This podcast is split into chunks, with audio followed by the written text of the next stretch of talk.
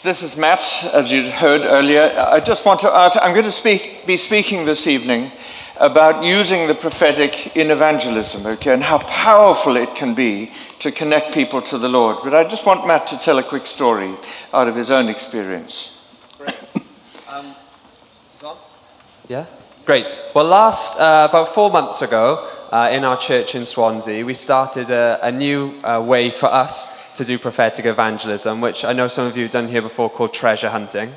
And so a few of us uh, got together on a Saturday morning and we split into small groups. And we just asked God, God, uh, would you speak to us and tell us about who you want to speak to today and who you want to encourage? And so we prayed together for a few minutes and just listened to God. And uh, he gave us some words and some pictures. And then we used those to go out into the city to find those people and encourage them. So I was uh, uh, teamed up with a girl called Laura, and we both prayed and I got a picture of um, like flags, uh, like triangle flags, bunting we call it, that in Swansea they put around car garages where they sell garages. So I saw that in my mind and I thought, oh, that looks like where they sell garages, just uh, cars just down the road. And Laura had a picture of a car. And then she also uh, got the impression that we were going to meet uh, a middle aged lady who was wearing a head covering. And as she prayed about it further, she felt that this woman um, was concerned about her son and worried about her son. So we left with that and we got into the car and we drove down to the garage, which was just down the road. And we walked out and we looked around. And because it was early in the morning, there was nobody there. We were trying to see, and there was no one there. And we thought, oh, maybe we got it wrong.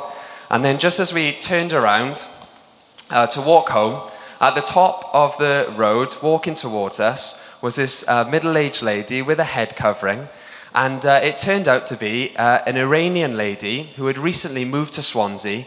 And about three months before this, she had come and visited our church. She'd been invited by a friend. And uh, she came for one week, and then she left to go to a conference in Paris, and we hadn't seen her since. And, uh, and it was her walking down the road. And so we were able to chat with her and uh, we showed her what uh, God had said. And Laura said to her, Are you having any concerns with your son? Is there anything you're worried about with your son? And she said, Yes, um, back home in Iran, her family had got into some trouble with the government and that type of thing. And uh, she was re- her son had taken it really difficult and he was really worried and she was really anxious for him. So we were able to pray for her and she was really uh, touched by God. And we were able to invite her back to church. And uh, she really knew that God knew where she was and uh, was interested in her life and was interested in her son's life. Bless you. Thank you. People, the central purpose of prophecy is to connect people to Jesus. That the, the testimony of Jesus is the spirit of prophecy. We read in Revelation chapter 19, verse 10.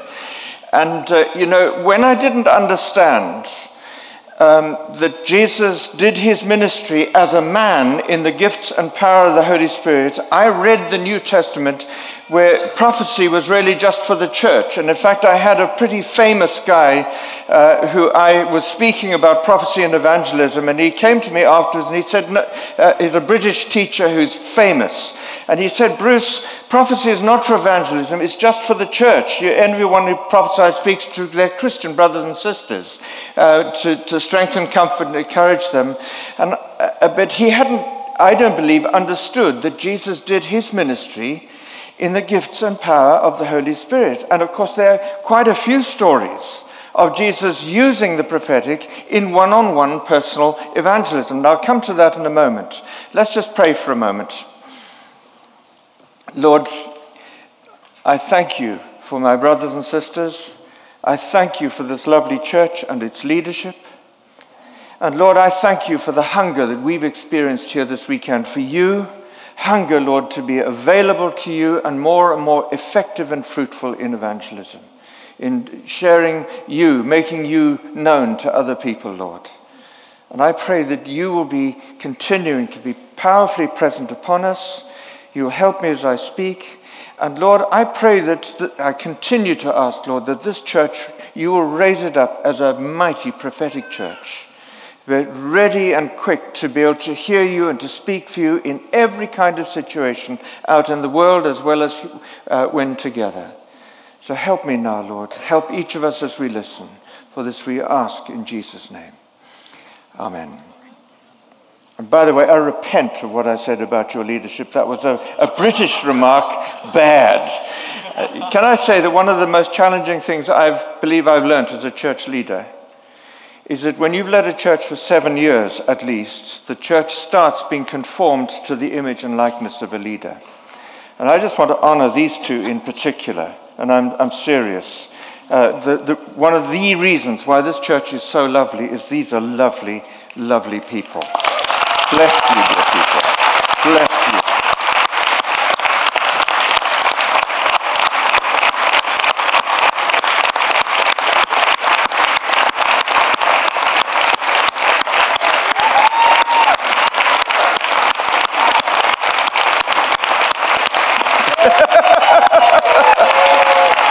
now sit down, Mr. Cage. Thank you.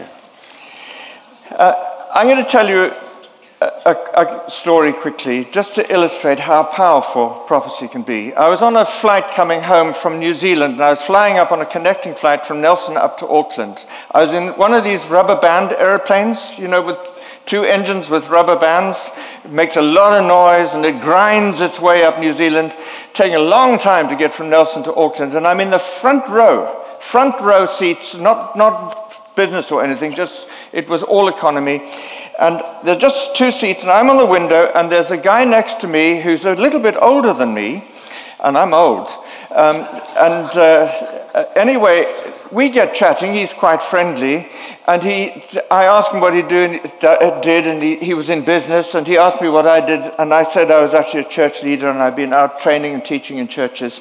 Well, I tell you, within about one minute, I got an absolute torrent of how much he hated the church. That we were all hypocrites that, he told me terrible stories, and I think they were actually true, sadly, about stupid things that Christians had did and that they'd said in evangelistic contexts and so on. And he'd been really offended by the church. So I'm thinking, and I'm sensing the Lord say to me, Bruce, I want you to, this, to help this guy come closer to me. I'm thinking, Lord, he's not a good case, you know. He's wild with the church, hates us all. Uh, but anyway, I just sensed the Lord saying, Ask me about him. So while he's still telling me how terrible we all are, I say, Lord, speak to me quickly, please. quickly. And uh, I straight away saw him as a young boy and that something had gone wrong, which resulted in him being rejected and teased and having a really difficult time with those of his own age at school. That's all I got, okay? Not some mega revelation, huge prophetic thing, just that. So when he'd sort of calmed down a little bit, uh, I said to him, um, you know, as Christians, we believe that we can know the Lord. Jesus can become real in our lives. And, you know, okay, all the drivel uh, that you Christians believe. But I said, I believe that sometimes he can speak to us for other people. And I think he's just shown me something about you. At that point, he went very quiet. But I want to tell you also, I think he could hear my heart. It was going about this loud. I'm saying, Lord, if I've got this wrong, I've still got to sit for another 45 minutes with the rubber bands working to get us to Auckland. But I said, Look, I believe that something happened to you which resulted in you being teased and having a really difficult time when you was quite a young boy at school. And he said, Yes, I grew up on a farm, and my parents had to send me to a boarding school. And actually, I had an Ill- illness that still handicaps me to this day. And because I was handicapped, I got teased and rejected by many. And you know, even this tough New Zealand guy, businessman, he was on his way to China to do some big deals, okay? He starts weeping. Now, he's just been telling me what a terrible bunch of hypocrites we are. And now he's beginning to weep. And then he goes on to start telling me something of his life story, and it's like his heart's just suddenly got soft and open. And then, then uh, um, uh, he said, also, I've been ill for quite a while. Um, not with, with that handicap issue, but just something else. And I've only just started getting strong enough to start doing business again. And, and I'm still not really well, and I'm worried whether I'm going to have enough energy when I'm in China to do the business that I'm doing. And I said, Well, Jesus loves you. That's why he's shown, shown me this information about you. Can I pray for you, please? And he, like here? Yes, here. And now the air hostess is such a small flight. There's only one air hostess. Fortunately, she started at the front and she was only two thirds of the way towards the back with all the tea and coffee going to the back. So he knew and I knew because he looked round. She was busy back there and there was no one else going to come forward. So he looks at me with a very funny look and he says, All right. So I lay a hand on him and I said, By the way, when we do this, I'm going to ask Jesus to send his Holy Spirit on you so that you'll experience his love and his power and his peace uh, to come and bless you and to bring healing to your body. You with me? And he's still looking at me like this is the wackiest thing that's ever happened to me in my life. But the air hostess is still at the back. She doesn't look like she's coming. All right, do it. And I'm telling you, Jesus loves to get his paws on people. Sorry, that's a theological statement. He loves to be able to touch people, but where are his hands? Yours and mine. And the Holy Spirit came in power on this man. Whereas before his eyes were wet and just beginnings of tears, he started the tears running. You know, the Lord was going deep into his soul, that all that pain from years back. And the air hostess just stayed busy at the back. I think the Lord just kept her at the back. And the guy on the other side who might have been watching was just busy with his, his iPad or whatever he was doing. So he didn't look either. And the Lord gave us a private space for the Holy Spirit to touch this man deeply. Do you know that between there for the next 35 minutes to Auckland, we had a mini alpha course? And he was asking me the questions. Here's this man who was wild with this hypocritical church now asking me questions about this Jesus that he'd met for real. Is this making sense? Little word of revelation uh, that, that just opens things up. I'll tell you really quickly. This is a much older story, but I'm flying from Stockholm to London. And I've got my Bible in the seat next to me. I'm in the window and I'm watching beautiful Sweden go by. Norway is even more beautiful, I know. Um, but yeah, Mr. Cave, that's for you. Um, but anyway, uh, there's a, a, Muslim man of about 45 in the, the aisle seat. And he looks and he sees my Bible. This is some years ago. And he says to me, after he looks at me, he says, What do you think of 9 11 then? It's obvious I'm a Christian, okay, because I've been reading it too. Uh, uh, what do you think of 9 11 then? So I do my best to give a fair, balanced answer. And then he says, Well, what a little question. What about the Israelis and the Palestinians? You know, just light question like that. So I do my best. But while I'm answering him, I hear the Lord saying, Bruce, this guy is in terrible pain about his marriage. He's offered to pray for him. I said, Lord, he's unhappy with us. He's a Muslim, in case you hadn't realized, Lord. He's a Muslim and I'm a Christian. And uh, I only know how to pray to you in your name, Lord Jesus. Offer to pray. Tell him this and offer to pray for him. Loud, okay? I believe the Lord's just said to me, spoken to me for you. Really? Uh, I, might you be hurting a little bit in your marriage? Now, you can understate it because I tell you, it's like the Holy Spirit pulls out the megaphone Hear ye, this is me. Because the moment I started speaking about it, that he had pain in his marriage, the power of God came down on him. And, and he said, How did you know this? Well, I said, Jesus is alive. He died on the cross for your sins and mine. He's risen from the dead. Do you see how you're telling them the gospel like that? And that He's alive now and He sends His Holy Spirit. And that's how we can know Him uh, and, and hear His voice for, for people like you as well as ourselves. And uh, I said, Can I pray for you? Oh, he says, Please. And I said, By the way, I'm going to pray to God the Father through Jesus. And I'm going to ask them to send the Holy, more of the Holy, the Holy Spirit's already touching you, but more to come and help you with your marriage. Is that all right? I'm flying in the face of all Orthodox Muslim doctrine right now. You with me? And, and so I, I, just said, and by the way, you know, I need to lay a hand on your shoulder very quietly, very gently, so that the Holy Spirit can come and touch you to help you. Is that all right? Yeah, it's fine. So I lay a hand on him and I say, Oh Lord, thank you for the way you love my brother, that you died for all of us on the cross. You see this? So we're all sinners. We need you, Lord. Thank you that you did this. And thank you that you care enough about my brother for his marriage and so on. You want to help him. Holy Spirit, come. Do you know what happened? The Holy Spirit came. Even more. Do you know that this man started bouncing in his seat? I'm not exaggerating, on an SAS flight, bouncing in his seat. And more than that, he starts sobbing loudly. There are respectable Swedish people and English people looking at me like, What are you doing to this man?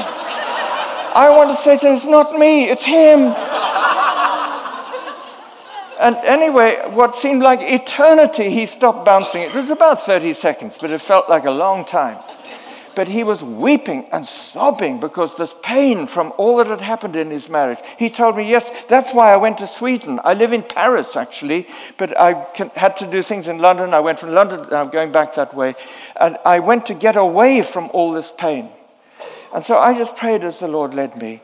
Well, I tell you, we did another Alpha course from halfway across Sweden all the way to London, and he was asking me all the questions. I didn't try to say, now you've got to commit your life to Jesus. It was clear he wasn't ready to do that.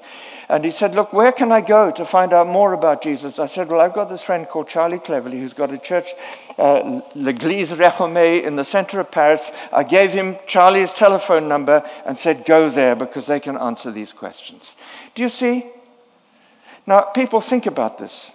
What needs to happen for a human being in order to bring them to a place where they're going to be open to the possibility of faith in Jesus? Well, I want to be quick. I think three basic things at least need to happen. Number one, they've got to be shown one way or other that our invisible God, we can't see him, can we? We can experience him for sure, but we can't see him right now. This invisible God is real, he exists. That's basic. They've got to get that. Secondly, they've got to be shown some way or other that this invisible God seems to know all about them and care about them, love them. They need to know that. You know, the Bible says it's the kindness of God that leads us to repentance, not the big stick or anything. It's the kindness of God. And thirdly, they need to be shown one way or other that it's possible for human beings to have a living, interactive relationship with this invisible God through faith in Jesus. You, you, those three things. Now, they still need to hear the gospel. They've got to go to understand the meaning of the cross and the resurrection and etc., uh, etc. Et so, uh, but to get them to a place where they even want to do an alpha course or, or go through steps to come to Christ, those things need to happen. And sometimes they can happen very quickly when, when you minister in the prophetic and in healing. And uh, you see, with that man on the aeroplane, or, or with that lady that uh, Matt was talking about, what those people were shown is that there is a God. He's real, actually. Or for that Muslim man on the plane, there's a God who's very real, that he knows all about their lives and their circumstances. You know, the, the woman at the well said, Come see a man who told me everything I ever did. Jesus didn't do that. He just said, You've had four husbands, and now the five husbands, and the man you're now living with is not your husband. That's all he said to her. Come see a man who told me everything I ever did. Do you see the impact of that revelation on her heart? God has got my number. He knows all about me. And the way Jesus did it with that woman at the well was so loving, so gracious, so kind. He said, Go call your husband and come back when he knows the situation already. Why did he do that? People, we need to learn from this to get God's wisdom of how to do it to follow the way of love and kindness as well as the revelation itself. He didn't say, Hey, lady, I can see you've had quite a career. You've gone through five guys and now you're living with a guy who's not your husband. You know, you're, you're quite some lady. Did he do that? No way. Go call your husband and come back. She said, I have no husband. Well, that allowed the Lord then to say, You are truthful. You're right when you say you have no husband. For the fact is, you've had five, and the man you're now living with is not your husband. And then he wraps it in love immediately. What you've just said to me is absolutely true. Do you see this? So he's been kind and gracious to her. He's affirming her as a truthful, truthful woman when the rest of the women in Sychar won't come and draw water with her and see her as a deceitful, immoral woman, maybe. Do you see the Lord of glory? How we need to follow God's ways of kindness, gentleness in the way we handle the revelation. So we need to ask for wisdom as well. But you know another story. Remember in, uh, when Jesus is going through Jericho? He's on his way to Jerusalem, I think. And there's a little guy called Zacchaeus who's a tax collector. And remember he had to go up a tree because he'd never, now this is important, he'd never seen Jesus before. Never seen him before. This is really important. So he goes up a tree. And as Jesus is going through crowds of people, all of a sudden the Holy Spirit says to Jesus, Stop. There's a guy up there. Invite him down. His name is Zacchaeus. Invite him down and offer to come and stay in his house today. Jesus has never met him. So he says, Zacchaeus, come down the tree. I want to stay in your house today. Zacchaeus comes tumbling down the tree as quick as he can get down. And you know, he says something very interesting. Sorry, I've just pulled my place marker out, but I know it's Luke 19. Um, here we are.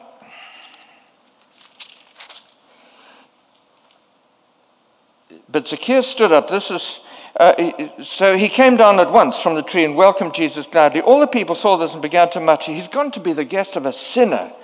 But Zacchaeus stood up and said to the Lord, Look, Lord, here and now I give half of my possessions to the poor. Isn't that amazing? And if I've cheated anybody out of anything, and I think he had, they hated him in that town, uh, I will pay back four times the amount. Now, you know, John Wesley preached that there are three things that need to be converted in a human being the mind, the heart, and the pocket, the wallet. It takes longest to get down there. Praise you people for your generosity. But converted church. um, but this guy is converted. Now, what was the key that opened the door to his heart? Well, I've heard many preachers preach that this is a man who's rejected and Jesus showed him loving, the Lord of glory shows him loving acceptance. That's powerful and is true. But I tell you the key in the door how did Jesus know his name? Do, do you see this? I, I, often I find I've got time with people when I'm sitting, because I fly a, a, a lot. I, I'm with a lady taking off to go to Johannesburg, and she's sitting next to me, and the Lord says to me, I want you to talk to her. She's not a Christian, uh, and uh, he told me things about her gifting. By the way, listen carefully to this. When you're out there doing this, do you know that somebody's basic ministry gifting, whether they're more prophetic or pastoral or evangelistic or leadership or whatever, their basic, the, the way God has wired them, if they knew him, this is how he would use them. That's in people from birth. Uh, does this make any sense? That's how God has made them. The enemy knows that, and so, for example, with people that he knows that God has designed to be prophetic people, he gets them very radical about politics. Or he gets them into the occult or things. He tries to, to appeal to that gifting, but in an illegitimate way to keep them away from Jesus. Do, do you see? But here's the point if we in these situations hear the Lord and ask Him questions, how, Lord, have you gifted this person? How have you wired them? What sort of person are they? What excites them? And you hear that from God and then speak it into their hearts. Deep calls to deep. And the Lord showed me this lady. She loved meeting people. She would be very evangelistic. I didn't say it quite like that. I said, I believe you in my church, you draw many people into the life of the church. I said it no more strongly than that. We've got to be wise in how we speak. But then uh, uh, there were various things, and she seemed to be, the Holy Spirit was touching her as I spoke. And then something came to me just like that. I, I don't understand this, but God, I think, is showing me that you're heartbroken about a cat. And, and, I'm thinking, this is mad. And she just looks at me, and the tears start running down her face against the Holy Spirit on her. She said, The reason I'm flying back to Cape Town now is my husband's been offered a job in London. We're transferring the family to London and everything's going over there. But the one thing I can't take with me is my cat. And I love that pussy cat. And I'm, I hate the idea of having to leave my cat behind. Now, do you see this? Even the little things, well, it's not such a little thing, in people's lives, God knows about. What the Lord was shouting to her is, I know all about you and I care about the things, even like a cat, in your life. Do you see this? People, the more you do this with people, the more you discover how beautiful Jesus is. And if you can help them see that quickly, they come quickly to Him. Is this making sense? So, I, I just want to urge you pray for divine appointments. You see, what happened to Jesus with that woman at the well was a divine appointment. The Father set it up for Jesus to meet that woman at that time, at that place. Just think out there in your place of work tomorrow. Why not pray before you go to work? And I hope you do anyway. But say, Lord, I want to meet somebody at the bus stop, or show me what they look like, even like with treasure hunting, what they look like, or where I'll meet them, or what I'll see. He's, he loves speaking to us if we ask him questions. And then when we go out there, look for them. And, and then recognize those divine encounters when they come. And you know, you don't have to be brilliant at the prophetic or words of knowledge and so on. God will just give you little thoughts.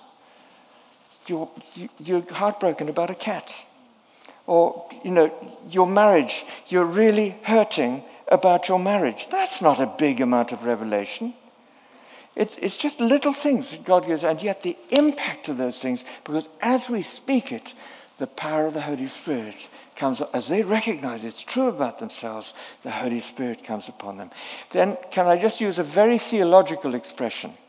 They become as soft as putty because God's on them. Do you see this? And you know, the days of us having these five steps, or we've got to give them these principles, or push, preach the gospel at them, let's not do that. Let's minister like Jesus did and, and, and show people the reality of God that there is a God, that He's absolutely real. Secondly, that He's deeply, lovingly, kindly interested in them. And thirdly, through our witness, that we've actually heard true things from God f- for them, it just shows them that we are in that personal relationship with God and this is possible for them as well. That doesn't bring them to faith. I don't try to reap too quickly. There's sowing and there's reaping. We need to know the difference but nevertheless to then bring them on an Alpha course, invite them to church, and so on. And sometimes these things lead to healing as well. I told the story in the conference about that woman uh, on a flight to San Francisco who had this mask over her face. The other day, I'm walking down my lane with walking my dogs, and I'm walking back again, and there's a woman coming the other way, and I know this lady. We've had her in our house. We, we welcome people in our village to come and have a drink with us and food and so on. So we knew her already. And I'll call her Susie, that's not her real name. She's walking down with her dogs, coming the other way towards me. And as I walk towards her, I sense the Lord saying to me, uh, I want you to offer to pray for her. And uh, I said, What for, Lord? I didn't get any answer. So she arrives, and our dogs are just having a great time with one another. And I say, Susie, how are you doing? It's nice to see you. She said, Oh, my shoulder is absolutely killing me. I said, Look. And she started to try to raise it. She said, That's all I can do. And even this is really hurting me. So I said, Well, Susie, you know I'm a Christian, and I've seen Jesus heal lots of people. And he loves you. He's died on the cross for you as well as for me. So can I pray for you, please? She said, What, here? Because, oh, she, no, no, no. Initially she said, Oh, yeah, you can do that. And I think she thought I was going to be a good little Anglican vicar. I'd go home, put on my black cassock, and kneel at my kneeler and say prayers for her. And I said, No, no, no, Susie, right here. Can I pray for you? And she looked back up the road like this and, and nobody coming. So, all right, okay, this is crazy, but let's have a go. And I said, by the way, I need to lay a hand on you. And by the, I, I don't, please, people, we don't do any of this stuff or even heavy on the head. None of that. Just a light fingertips on the shoulders, perfectly good enough. And especially when men are praying for women, we've got to be so careful how we touch a woman. Okay? So, anyway, I just said, Do you mind if I lay a hand? Because it's Jesus who sends his spirit Now, you see, if you say that, and then he does, and they experience that, I call that powerful evangelism. You, you with me? And that's what happened. And you can see she just got inwardly engaged because the presence and power of God came on her. And, and then I just waited a little bit. And by the way, while I'm waiting, I'm desperately calling out to the Lord for the gift of faith. Lord, you've got to show up and do this thing. You've got me into this situation in the first place. Uh, so please, I need the gift of faith, which is that extra help in the moment to know in your spirit what God is going to do. Well, I started getting some sort of feeling that that was coming to me. Not much stronger than that. So I just said, shoulder, be healed in Jesus' name. Now, you do need 10 years of postgraduate academic theology to be able to do that. I'm, I'm laboring a point. Blessed are you, Father, Lord of heaven and earth. Jesus prayed. For you did not reveal these things to the wise and to the learned, but to little children. Yes, Father, for this was your good pleasure. So, who gets to do this stuff? People who are willing to be as trusting and as naive as little children. That's it. And if we want to be super adults and look good in the sight of people and never take risks, it doesn't work. But to be a fool for Christ is the greatest privilege on earth. Hello? And so I just told the children, uh, and so I said to her, after, and oh no, I had to wait a little while because it was obvious that the power of God was touching her so deeply. And she wasn't in a trance, but she was so deeply engaged with the Lord, you see. So I wait until it seems right, okay now. And, and I said to her, Susie, how's, how's your shoulder? And I could tell she didn't believe that anything had happened. And I could tell by how slowly she started to move her hand forward. Except it just carried on going up. And her face just became a picture. She said, There's no pain. Now, this, people, is where you get to look really good as a Christian. I said to her, Of course. Jesus has just healed you. Long as you say that it's Jesus, okay? That Jesus said it, that people may see your good works, but in such a way that they glorify your Father who's in heaven. Is this making sense? So, you know, we've got big guns in our pockets when we go out there. Prophecy gun with words of knowledge and revelation from heaven. Healing gun. Use them, people. Use them.